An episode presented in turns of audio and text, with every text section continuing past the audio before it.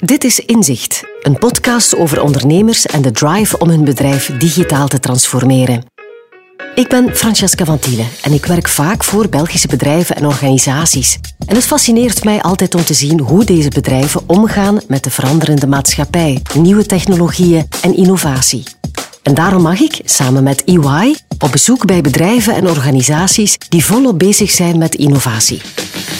Vandaag praten we over de innovatie in de life sciences. Hoe de snelle technologische evolutie in de gezondheidszorg onze levens en onze maatschappij beïnvloedt. We willen langer leven, gezonder leven en daar staat natuurlijk een prijs tegenover. Bij mij zit Lucia de Busser, partner bij EY, verantwoordelijk voor de life science sector. En met Jo Caudron, consumentenexpert, en Peter Hinsen, technologie-expert, hebben het over de snelle evolutie in de gezondheidssector.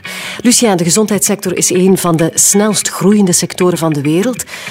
Hoe kan deze evolutie onze veranderende maatschappij bijhouden? Uh, de vierde industriële revolutie, waar men zoveel over heeft, uh, ziet de, de life sciences in het algemeen, de gezondheidszorg, driemaal zo snel evolueren als alle andere sectoren die ook onderworpen zijn aan, aan die revolutie.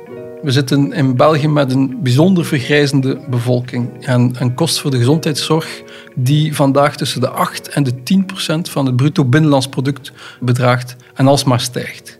We willen langer leven, we willen langer gezond leven. En dat wordt wel eens uitgedrukt in qualies, de jaren die we leven en die we adjusted langer zouden kunnen leven door ingrepen van de medische wereld, zeg maar. Die is bepaald vandaag op 40.000 euro voor een Belg. We willen langer leven, gezonder leven en daar staat natuurlijk een prijs tegenover. Maar die vierde revolutie, als we het zo mogen noemen, die komt niet uit het niets, hè? Die komt eigenlijk uit een convergentie van vooral technologie. Er is, op dit moment is er blockchain, is er artificiële intelligentie, uh, is er de mogelijkheid van grote bedrijven om gigantische sets van data te analyseren. En voor het eerst in de geschiedenis kunnen ze dat ook doen op heel relevante massa's van data. Tot voor kort was dat onmogelijk omdat de computercapaciteit enerzijds niet aanwezig was, maar anderzijds was er ook niet de wil van bedrijven, van patiënten, van verzekeringsmaatschappijen, van de overheid om die data bij elkaar te brengen. Het is eigenlijk de hele omkering van de positie van de patiënt ten opzichte van zijn arts, van het ziekenhuis. De patiënt is een superconsumer geworden en ik gebruik altijd de boutade. Ik hoorde mijn 80-jarige moeder uh, zeggen tegen uh, een arts dat ze toch liever een ander soort uh, beta-blokker zou gebruiken, omdat dat beter was. En toen de arts vroeg, ja, maar waar, hoe kom je daarbij? Ik heb dat opgezocht op internet. Ik heb gesproken met mijn vriendinnen in een chatgroep. En je moet weten dat mijn moeder uh, kok is van opleiding en dus helemaal geen medische achtergrond heeft. Dus zover is het gekomen dat, uh, dat we dat soort dingen zien. Mensen zien daar het voorbeeld van hoe een relatie met ja, degene die hen verzorgt, dat kan de bankier zijn, dat kan de winkel zijn, hun werkgever zijn, dat die relatie verandert en dat zij daar zelf inderdaad veel meer in de driver's seat komen of bepaalde verwachtingen hebben van die journey, dat die veel meer naar hen toegericht is. Vandaag, het, medische systeem, van de ziekenhuizen tot alles daarvoor en daarna, is nog heel sterk op zichzelf gericht en zij worstelen met die relatie met die patiënt. Een van mijn favorieten dat is een bedrijf dat noemt uh, My Health Teams en die maken eigenlijk specifieke disease areas uh, patiëntengroepen. En dus bijvoorbeeld rond diabetes of, uh, of artritis, uh, rond rheumatoid arthritis heb jij uh, MyRA. En dan zie je dat daar echt letterlijk tienduizenden patiënten die last hebben van de ziekte bij elkaar komen en heel veel gaan uitwisselen. Ervaringen met producten natuurlijk, met treatments, maar ook een hele stuk mentale begeleiding. En ik denk dat dat inderdaad wel heel belangrijk is. Eindelijk kan je bijna zeggen dat die patiënt centraler begint te staan, maar die zit ook meer en meer in een netwerk. En ik denk dat het niet alleen digitalisering is, maar het feit dat wij echt in een netwerkeconomie beginnen te leven, dat die patiënt ook in een netwerk terechtkomt. Ook de coronapandemie heeft een heel grote invloed op de verschuiving van de relatie tussen dokter en patiënt. Leg eens uit. Ik zou willen beginnen om te zeggen, never waste a good crisis. En wat we zagen voor de coronapandemie was dat de relatie tussen patiënt, tussen consument en de dokter enigszins verstoord geraakte. We zien dat de machtspositie van die arts en het ziekenhuis tanend is. Uh, alhoewel we zeggen natuurlijk dat die arts heel centraal staat en nu bezig is aan een revival door COVID. Nu is plots meneer dokter toch wel weer de man in de witte jas op wie we al onze hoop vestigen. Maar ik denk uh, door gebruik van technologie, en dan heb ik het vooral over artificiële intelligentie, dat meer en meer zijn rol wordt uitgehold. Nu in deze crisis aanvaardt die patiënt dat terug om, om zes uur s ochtends in een ziekenhuis te moeten staan, om dan om acht uur dertig pas de behandelende arts zien binnen te komen, om dan nog twee uur te moeten wachten, dat maakt deel van de experience, de slechte experience. Wij willen dat dat verandert, maar nu aanvaarden we het tijdelijk. Maar eens dat dat moment van crisis gaat voorbij zijn, gaan we wel terug veel kritischer in die relatie komen te staan. In heel die value chain van COVID is er een revival van het belang van de pharma- en de medtech-wereld. Maar heel algemeen genomen, die mensen worden aangevallen langs alle kanten. Net omdat pharma- en medtech-bedrijven gewoon zijn om dingen te gaan pushen in de markt. En daar niet de capaciteit, of niet altijd de capaciteiten bij hebben, om daar een dienstverlening rond te bouwen. En de klant op lange termijn aan zich te binden. Dat is eigenlijk een, een, um, een tegenstelling voor een farmabedrijf, ervoor zorgen dat uw klant niet meer ziek wordt. Maar we gaan hem dan pillen verkopen als hij niet meer ziek wordt? Peter, komen er andere spelers als de gezondheidsinstellingen of het gezondheidssysteem niet op tijd mee innoveert? Hun traditionele gezichtsveld en hun traditionele challengers, die zijn totaal aan het veranderen. En in die zin vind ik het wel spannend, omdat je krijgt nu een heleboel nieuwe spelers die ook met nieuwe ideeën, nieuwe concepten komen. Dus uh, het, is, het is moeilijk voor die medtech-bedrijven. Aan de andere kant komen er wel heel veel nieuwe opportuniteiten en ik denk dat dat de consument wel te goede kan komen. Absoluut. Ik pak een heel mooi voorbeeld. Ik, ik heb plezier gehad de laatste tijd om veel voor Medtronic te werken. De grootste producent van pacemakers ter wereld. Een van de grootste medtech-bedrijven ter wereld. En dus ja, uh, die zijn jarenlang eigenlijk king of the hill op pacemakers geweest. En heel recent, toen Apple met de Apple Watch de blood oxygenation uitbracht. En als je ziet hoe dat die, die watch, een eenvoudig horloge door Apple, eigenlijk bijzonder accuraat kan beginnen meten, hartslagen, cardiogrammen optekenen, dan zie je dat die eigenlijk akelig dicht in de buurt komen. Wie betaalt uiteindelijk, of de tussenpersoon die betaalt, mutualiteiten, verzekeringsbedrijven, daar zien wij uit studies dat hun macht heel erg stijgend is. Dat mhm. zij meer en meer eh, van het klassieke terugbetalingsmutualiteit gegeven iets aan het maken zijn waar ze heel dicht weer bij de patiënten komen te staan. Pharmabedrijven en medtechbedrijven hebben traditioneel niet die link met de patiënt, de overheid heeft die niet, maar een mutualiteit die zichzelf heruitvindt, kan heel dicht uh, bij een patiënt komen te staan. Hetzelfde van een verzekeringsbedrijf. Uh, die kunnen komen met nieuwe soorten diensten die tot op vandaag niet bestaan. Het zal ook geen mutualiteit meer zijn. Zal ook geen, die, zullen zich uh, veranderen naar iets totaal anders. En ik denk, je ziet dat nu al, zeker in de, in de plaatsen waar het echt pijn omdat een van de grote problemen die wij in ons land hebben en in onze regio, is dat niemand weet eigenlijk hoe duur dat gezondheid is. Ik heb veel vrienden in de Verenigde Staten. Ja, daar een, een, een, ingreep kost geld. Hè. En als je dan echt life-threatening hebt, kanker, dat kan een faillissement veroorzaken. En dat kunnen wij ons niet voorstellen. Dan willen de mensen die uiteindelijk opdraaien de kosten, de verzekeraars, die willen dat er uiteindelijk ook wel daadwerkelijk een resultaat komt. En die resultaatverbindenis, dat wordt cruciaal. Outcome-based is de enige manier om uiteindelijk te maken dat wie uiteindelijk betaalt, dat hij ook waar voor zijn geld krijgt. Nu, we zijn het in België niet gewoon hè, om te betalen voor onze gezondheidszorg. Gaan we dat in de toekomst wel zijn? Tot hoe ver zal dat dan gaan? En moet gezondheidszorg en sociale zekerheid tot op zekere hoogte ja, geen universeel recht blijven? Een heel interessante vraag. Maar om die te kunnen beantwoorden, denk ik dat ik een niveautje hoger moet gaan en heel even bijna filosofisch blijven stilstaan bij het woord gezondheidszorg. Uh, healthcare. Uiteindelijk, een heel groot stuk van waar wij voor betalen vandaag is eigenlijk ziekenzorg, sick care. Daar dragen wij in onze fiscaliteit gigantisch veel geld voor af om ja, ongeveer alles waar wij uh, in ons westerse uh, model mee kunnen geconfronteerd worden om dat medisch te gaan afdekken. Nu, op dat hoger niveau, als je gaat kijken, en als je zegt van, uh, we praten over een consument en niet over een patiënt, want een patiënt dat is in die, die staat van, ik ben ziek. Die patiënt, dat is van ik word geboren en ik sterf en hopelijk ben ik zoveel mogelijk jaren daartussen gezond.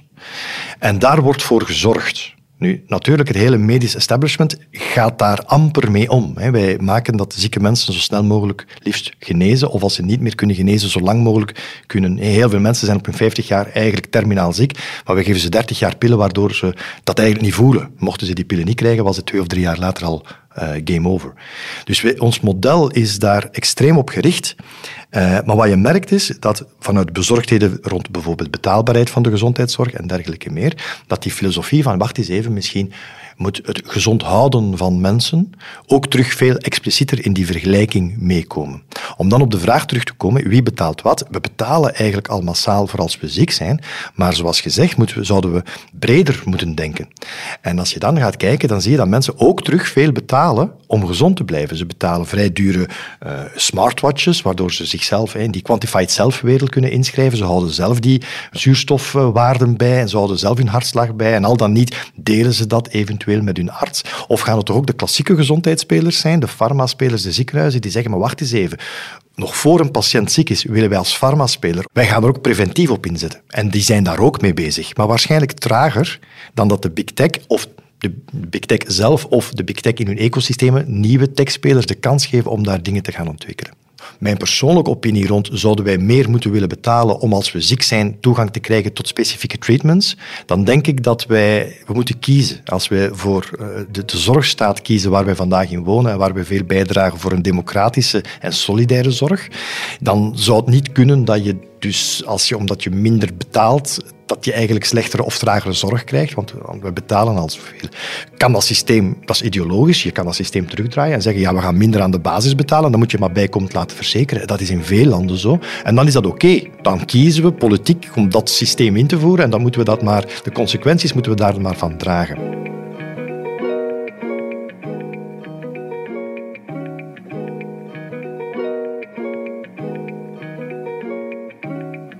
Peter, komen er andere spelers als de gezondheidsinstellingen of het gezondheidssysteem niet op tijd mee innoveert? Opnieuw, de US, daar doet het echt pijn. Daar is het vaak ook de employer, de, de werkgever, die daar een heel belangrijke bijdrage in heeft, want die betaalt uiteindelijk. En daar zie je natuurlijk de creativiteit van nieuwe concepten en nieuwe start-ups. Een heel mooi voorbeeld vind ik Omada Health. Mhm. Dat is een bedrijf die rond obesity en, en diabetes werkt. En die gaat naar een, een werkgever en die zegt van kijk, van uw eh, tienduizenden werknemers zijn er 3% morbidly obese. Als je daar geen 20 kilo afkrijgt, dan gaat u dat zoveel tientallen miljoenen dollars kosten naar de toekomst. En dan nemen zij eigenlijk de care voor die patiënten over. Dat zijn nog altijd uw werknemers, maar Omada die gaat ze elke dag wegen. Die hebben een connected weegschaal maar dan ze precies de evolutie zien. Ze doen personal coaching, ze gaan op de nutrition gaan en zij krijgen er effectief de kilo's af. En dan doen zij een fantastische deal met die werkgever. Van, kijk, ik heb zoveel bezwaar en wij willen daar een deel van. En dat is creativiteit. Dat hebben wij hier niet, omdat niemand weet hoeveel dat die ziektes eigenlijk kosten. Maar je ziet daar ook bedrijven op inspelen. Hè. Ik heb plezier gehad de voorbije jaren om heel dicht bij Walmart en hun transformatie te zitten. En ik vind dat een heel mooi voorbeeld, omdat Walmart is de grootste retail ter wereld, en zeker in de Verenigde Staten.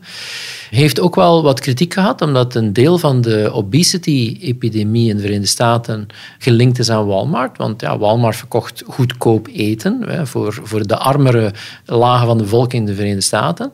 Um, maar Walmart op zich, ja, dat is ook een familiebedrijf die, die ook op lange termijn wil denken. En wat ik nu heel mooi vind, is Walmart is zich volledig uh, naar de healthcare ook aan het richten. Hè. Dus Walmart uh, richt klinieken op, uh, hospitalen, health centers. Om even terug te komen op het feit dat we allemaal langer leven, zullen we ook langer gezond blijven, Lucia? En hoe moeten we dan omgaan met die vergrijzing? Het grijs van 50 jaar geleden is al lang niet meer het grijs van vandaag moet maar gewoon in mijn familie kijken om te zien dat uh, ouders, grootouders ondertussen zelf bezig zijn met het managen van hun gezondheid. Zij hebben zelf toegang tot alle mogelijke apps, tot alle mogelijke technologie om te proberen langer te leven. En langer gezond leven, dat is uiteindelijk waar we, waar we met z'n allen naartoe moeten. De enige manier om daarmee om te gaan is inderdaad die echte verandering van gezondheid uh, te maken. Eh, in, in, het Engels is dat een heel mooie uh, manier om dat te formuleren. Hè? To really go from sick care to healthcare. En vandaag zie je dat gezondheidszorg voor een groot deel inderdaad nog gebaseerd is van je hebt een probleem en dan gaan we dat probleem oplossen. En die hele shift om uiteindelijk dan naar een veel proactievere manier te gaan brengen in gezondheid. Het is een beetje zoals, denk ik, wat er in de tandheelkunde gebeurd is. Als je die foto's van tandheelkunde van vroeger, dat was dat trekken van tanden. Maar tegenwoordig is dat maken dat je tanden niet meer getrokken moeten mm. worden. En die shift, dat is eigenlijk een van de meest fundamentele. En daar hebben we volgens mij heel veel creativiteit nodig. Ook andere technologische innovaties ondersteunen de grote evolutie in de gezondheidszorg. Deze gaat from sick care to health care. Enerzijds heb je technologie, wat wij de, de regeneratieve technologie in gezondheidszorg heten. Kankertherapie, genoomtherapie enzovoort. En daar zie je dingen als uh, immunotherapie, CAR-T, cell and gene, die heel uh, geïndividualiseerde therapieën zijn, die natuurlijk een veelvoud kosten van de bestaande oncologische therapieën. Je hebt CRISPR, om maar iets te noemen. Het uh, kopiëren en plakken van cellen van in je DNA. Allemaal dingen die gigantisch, gigantisch veel geld kosten. Uh, als je denkt uh, aan het Human Genome Project, dat in 2013 is opgeleverd, ongeveer 3 miljard heeft gekost. Vandaag met 23andMe of met Ancestry ga je, ga je je genoom gaan uitlezen voor 100 euro. De andere kant van technologie is natuurlijk dingen zoals robotchirurgie bijvoorbeeld. Robotchirurgie, um, prostaatoperaties in de Verenigde Staten meer dan 85% wordt door een robot gedaan vandaag. Als je kijkt wat men aan het doen is bij, bij Orsi in, eh, in, in Merelbeke, die zijn ganse legers aan chirurgen aan het opleiden in robotchirurgie van over heel de wereld. En de grote, de, de Medtronics, de J&J's, de Intuitives zijn bezig met machinerie aan het ontwikkelen om die robotchirurgie overal in elk ziekenhuis uh, te gaan uitrollen. Dat maakt natuurlijk dat de kost per operatie door zo'n robotchirurgie tremendously enorm gaat dalen. Robotisering groeit enorm in de gezondheidssector. Daardoor worden behandelingen ook wel duurder. Hoe staat de consument hier tegenover jou? Ik denk dat de consument gewoon meegaat natuurlijk in het verhaal. Als die consument ziek is en die gaat uh, op consult en daar wordt een bepaalde therapie voorgesteld die uh, duurder is dan vroeger, maar die innovatief is en die een beter resultaat gaat opleveren of zou kunnen opleveren, dan zal die consument zich zeker niet verzetten.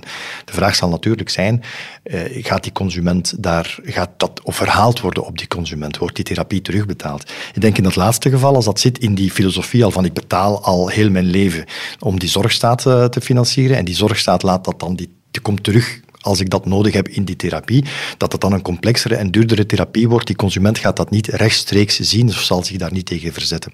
Misschien ook het complexer worden van die therapieën, inderdaad, eh, robotchirurgie en dat soort zaken. Ik kan me inbeelden dat de doorsnee consument zo ver afstaat van wat er dan gebeurt in zo'n operatiekwartier, of dat dat nu op de oude chirurgische manier, of dat is op een nieuwe hoogtechnologische manier dat die interventie gebeurt, dat die patiënt daar waarschijnlijk heel weinig impact op heeft en misschien ook heel weinig opinie op heeft op een bepaald ogenblik. En dat is ook echt wel een stukje dat, dat spanningsveld tussen een klassieke customer journey en een medische patient journey, dat is dat je als klassieke klant, totaal in andere sectoren, niet meer zomaar de controle loslaat. Je wil veel beter begrijpen wat er gebeurt, bijvoorbeeld met je centen als je gaat beleggen. Ik zeg maar wat. Terwijl hier, van zodra dat je opgenomen wordt, je, je, je kan wel informatie vragen en dergelijke meer, maar je laat het veel meer nog los. Als er natuurlijk bijkomende kosten, hè, we kennen allemaal de voorbeelden van, van hele dure behandelingen die niet terugbetaald worden, hè, baby Pia, om maar één voorbeeldje te geven, ja, dan wordt het een maatschappelijk debat, wordt het een individueel debat. Ik ben absoluut van overtuigd dat technologie die kost van gezondheid kan doen dalen. Daar ben ik van overtuigd. En het voorbeeld dat je neemt van gene sequencing, twintig jaar geleden was dat een gigantische kost. Vandaag is die ja, dat is bijna triviaal. Hè? Woorden, over een paar jaar, elk kind dat geboren heeft, die krijgt een hielprik en die zal een, een genetisch paspoort hebben, dat we ongelooflijk veel mee kunnen doen. Ik blijf geloven dat technologie die kost gaat verlagen. Tegelijkertijd uh, gaan we langer leven. En daardoor zullen we ook ja, meer jaren moeten spenderen aan gezondheidszorg. Ook grote spelers zetten op dit moment al in op deze genoomtherapie. Calico is een bedrijf dat eigenlijk opgericht is uh, om ons twee keer zo lang te doen leven. Dat is ongeveer... Dat is de mission. Dat is de, de mission hè. Zij zijn van, kijk, dat zijn mensen die een, een geld verdiend hebben met, uh, met kankertherapie. Hè. Uh, Genentech hebben ze verkocht aan Roche. Uh, Arthur Levinson was de voorzitter van. Apple. En die is nu de CEO. En die heeft gezegd van kijk, we kunnen nu nog een keer kankertherapie doen. Maar als we nu een keer echt iets leuk doen, let's make sure we don't die. Hè. Met andere woorden, we gaan twee keer zo lang leven. Maar stel je voor dat we met 11 miljard op deze planeet zitten, die in plaats van gemiddelde leeftijd in de 70, nu gemiddelde leeftijd naar de 200 gaan. Maar als ik nu kijk, ik heb nu een full genome scan laten doen. Ik wacht nog eindelijk van, wat kan ik daar nu echt mee doen? Hè? En er is één ding om meer te weten, maar als we dat niet gaan vertalen, dan gaan consumenten en patiënten ook op hun honger laten zitten van, ah, so what? Hè? Ik krijg nog altijd dezelfde standaard pilletjes van mijn dokter en ik krijg nog altijd de, dezelfde type van, uh, van remedies. En daar denk ik moet er ook een slag komen. Hè? We gaan niet alleen technologie moeten inzetten om meer te weten, maar ook technologie om die, die, die, die, ja, die care echt beter te maken. Anders gaat die patiënt volgens mij daar ongelooflijk ontgoocheld in zijn. Maar ik denk, jammer genoeg zitten wij in een leeftijdscategorie, Lucien, waar we daar waarschijnlijk net niet meer 100% van gaan kunnen profiteren. Hè. Ik bedoel, eh, stel dat je nu dan niet tien jaar verder of twintig jaar verder, maar 30, 40, 50 jaar, ja, dan ben ik er echt van overtuigd dat de, de kennis van uw DNA en de mogelijkheid om via CRISPR te copyen en te pasten en daar op een heel creatieve manier echt gepersonaliseerde oplossingen te bouwen, ja, daar, daar ben ik heilig van overtuigd, dat komt er. En mijn kinderen gaan daarvan kunnen profiteren en, en mijn kleinkinderen hopelijk. Ik weet niet of ik het nog ga kunnen doen. En dat vind ik soms wel een beetje jammer, hè, want we zitten met echt zo'n golf van mogelijkheden en gezondheid die we gaan krijgen de volgende tientallen jaren. Maar gezondheid gaat dan totaal veranderen. Hè? Want in plaats van een generiek pilletje te krijgen, krijgen we gepersonaliseerde treatments uh, op het lijf geschreven van een individu. En dat zet natuurlijk die hele wereld uh, totaal op zijn kop. Dus we gaan we dan met 3D-printers onze, onze medicijnen thuis afprinten? Of ga je daar heel gespecialiseerde apotheken gaan, die al lang geen apotheken meer gaan zijn, om je gepersonaliseerde oplossing te krijgen? Bijzonder interessant. En dat brengt ons naadloos bij artificiële intelligentie. Uh, een zeer interessante daarvan is, is RoboVision in België. Mm -hmm. Jonathan Berten, die nu overal in heel veel verschillende takken van sport, van, van de gezondheidszorg, dingen aan het doen is. Ze hebben uh, iets ontwikkeld bijvoorbeeld om te gaan zien wanneer dat een, uh, een, een, oudere persoon niet in zijn bed zou liggen, dat die gevallen zou zijn. Daarnaast doen zij uh, detectie van mogelijke hersentumoren op basis van artificiële intelligentie. Zij hebben een project lopen om alle longen die uh, door COVID uh, besmet zijn geweest, om die te gaan vergelijken en om daarvoor te zorgen dat als ergens een nieuw geval binnenkomt, dat je heel gemakkelijk die, uh, die CT-scans met elkaar kan vergelijken. Al die data moeten ook beheerd worden. In dit tijdperk van uh, data leaks en data as a currency, hoe staat de patiënt-consument tegenover delen van zijn health data? Ja, dat is heel dubbel. Hè?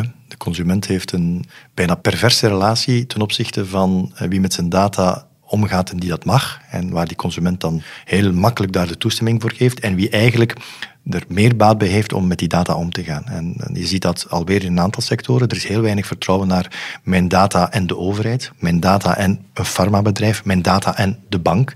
Heel vreemd, want dat zijn nu allemaal organisaties die extreem gereguleerd zijn en met die data helemaal niets fout zouden doen. Anderzijds hebben wij geen enkel probleem om onze data af te tekenen naar de Googles, de Facebooken enzovoort. Ja, hoe komt dat dan? Terwijl je zou veel meer vraagtekens kunnen plaatsen bij de betrouwbaarheid van die partijen.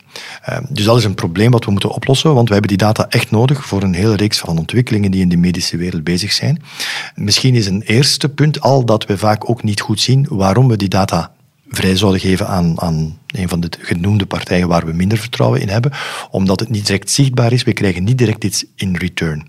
Bij Facebook is dat heel simpel. Willen wij deel uitmaken van onze vriendenkring die alles regelen op Facebook? Ja, als wij niet aftekenen dat Facebook die data mag gebruiken en misbruiken, kunnen we geen direct deel uitmaken van die wereld, van die beleving.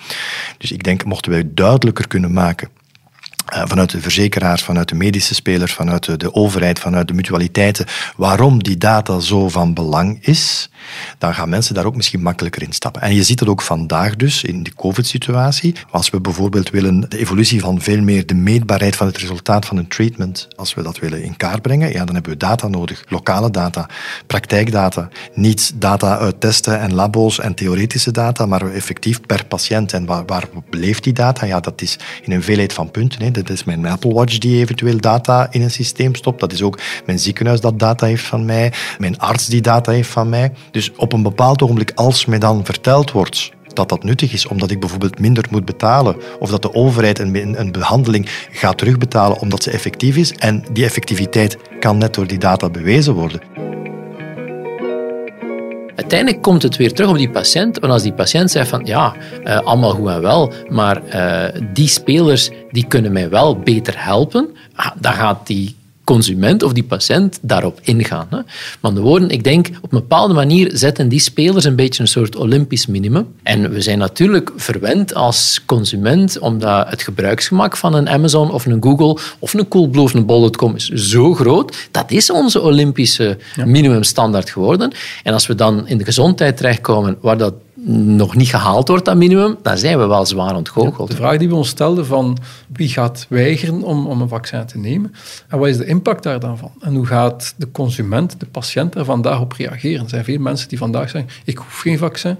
Mijn mening is dat de markt dit gaat reguleren, privacy of niet. Het gaat niet zo lang duren tot een vliegtuigmaatschappij zegt mag ik alsjeblieft uw, uw, paspoort zien? Staat daar op uw elektronisch paspoort staat daarop dat je gevaccineerd bent? Anders kom je niet aan boord. En daar zal privacy volgens mij meer en meer elastisch zijn. Dat gaat meer en meer afkalven. Kijk naar contact tracing. Ik bedoel, uh, had je een paar jaar geleden gezegd van we gaan allemaal een app gebruiken waar we gaan bijhouden waar we zijn. En er zijn nog altijd mensen die het niet willen doen. Hè? Maar aan de andere kant, het is gewoon volgens mij een soort voortschrijdend element. Privacy zal meer en meer, meer vloe worden en veel meer elastisch worden. Welke projecten ondersteunt EY op dit moment? EY is natuurlijk een dienstverlener die een hele uh, panoplie van, uh, van diensten verleent. We gaan van auditdiensten naar taxdiensten, maar we moeten toch zeggen dat we binnen de life sciences afdeling bezig zijn met bijzonder interessante projecten die allemaal digital transformation uh, als leidmotief hebben andere dingen die tot de verbeelding kunnen spreken. Uh, we hebben een project lopen waar wij zeer zwaar depressieve, suïcidale patiënten begeleiden uh, in die hele patient pathway, samen met het ziekenhuis, samen met psychiaters, samen met uh, die patiënten zelf. de hele pathway is uitgetekend door EY, met verpleegsters erbij. En het resultaat is dat wij een aantal patiënten hebben gezien die twintig jaar depressief zijn geweest en door het gebruik van een nieuw medicijn, maar ook vooral door de, uh, het uittekenen van de nieuwe Digital Transformation Path, die voor het eerst hebben gezegd, ja, voor de eerste keer in twintig jaar uh, zien, wij, zien wij een uitweg. Um, dat heeft bijzonder veel voldoening en dat is niet wat je direct zou associëren met, met een job als consultant. Dus ja, hoe kan EY pharma of medtech bedrijven ondersteunen tijdens deze snelle health-evolutie? Binnen life sciences zijn wij toch wel aan de slag met digital transformation op een heel originele manier. We hebben overlaatst het bedrijf eh, VODW overgenomen, heel specifiek gericht op die customer experience. We hebben uh, over heel de wereld wat wij uh, het concept Wavespace noemen. Wavespace is een soort immersive gegeven waar je als bedrijf bepaalde problematieken kan komen uitproberen, zeer resultaatgericht. Um, dat zijn allemaal nieuwe dingen die we tot op, tot op heden niet hadden. En op die manier proberen wij grote bedrijven, grote spelers, grote medtech-spelers, maar zowel kleinere bedrijven die juist komen piepen, om die toch ook een, eh, de juiste ondersteuning te geven. Dit was Inzicht, een podcast van EY in samenwerking met Tijd Connect over ondernemers met de drive om hun bedrijf digitaal te transformeren en zo onze maatschappij fundamenteel te veranderen. Wil je zien hoe het er tijdens de opnames aan toe ging? Of meer weten over hoe jouw bedrijf ook kan transformeren? Ga dan naar tijd.be-inzicht. Als je deze podcast interessant vond, vertel het gerust door. In de volgende podcast hebben we het over de klantendienst. Hoe zorgt technologie ervoor dat we als consument sneller en beter geholpen worden? Ik ben Francesca Van Tiele. Bedankt voor het luisteren.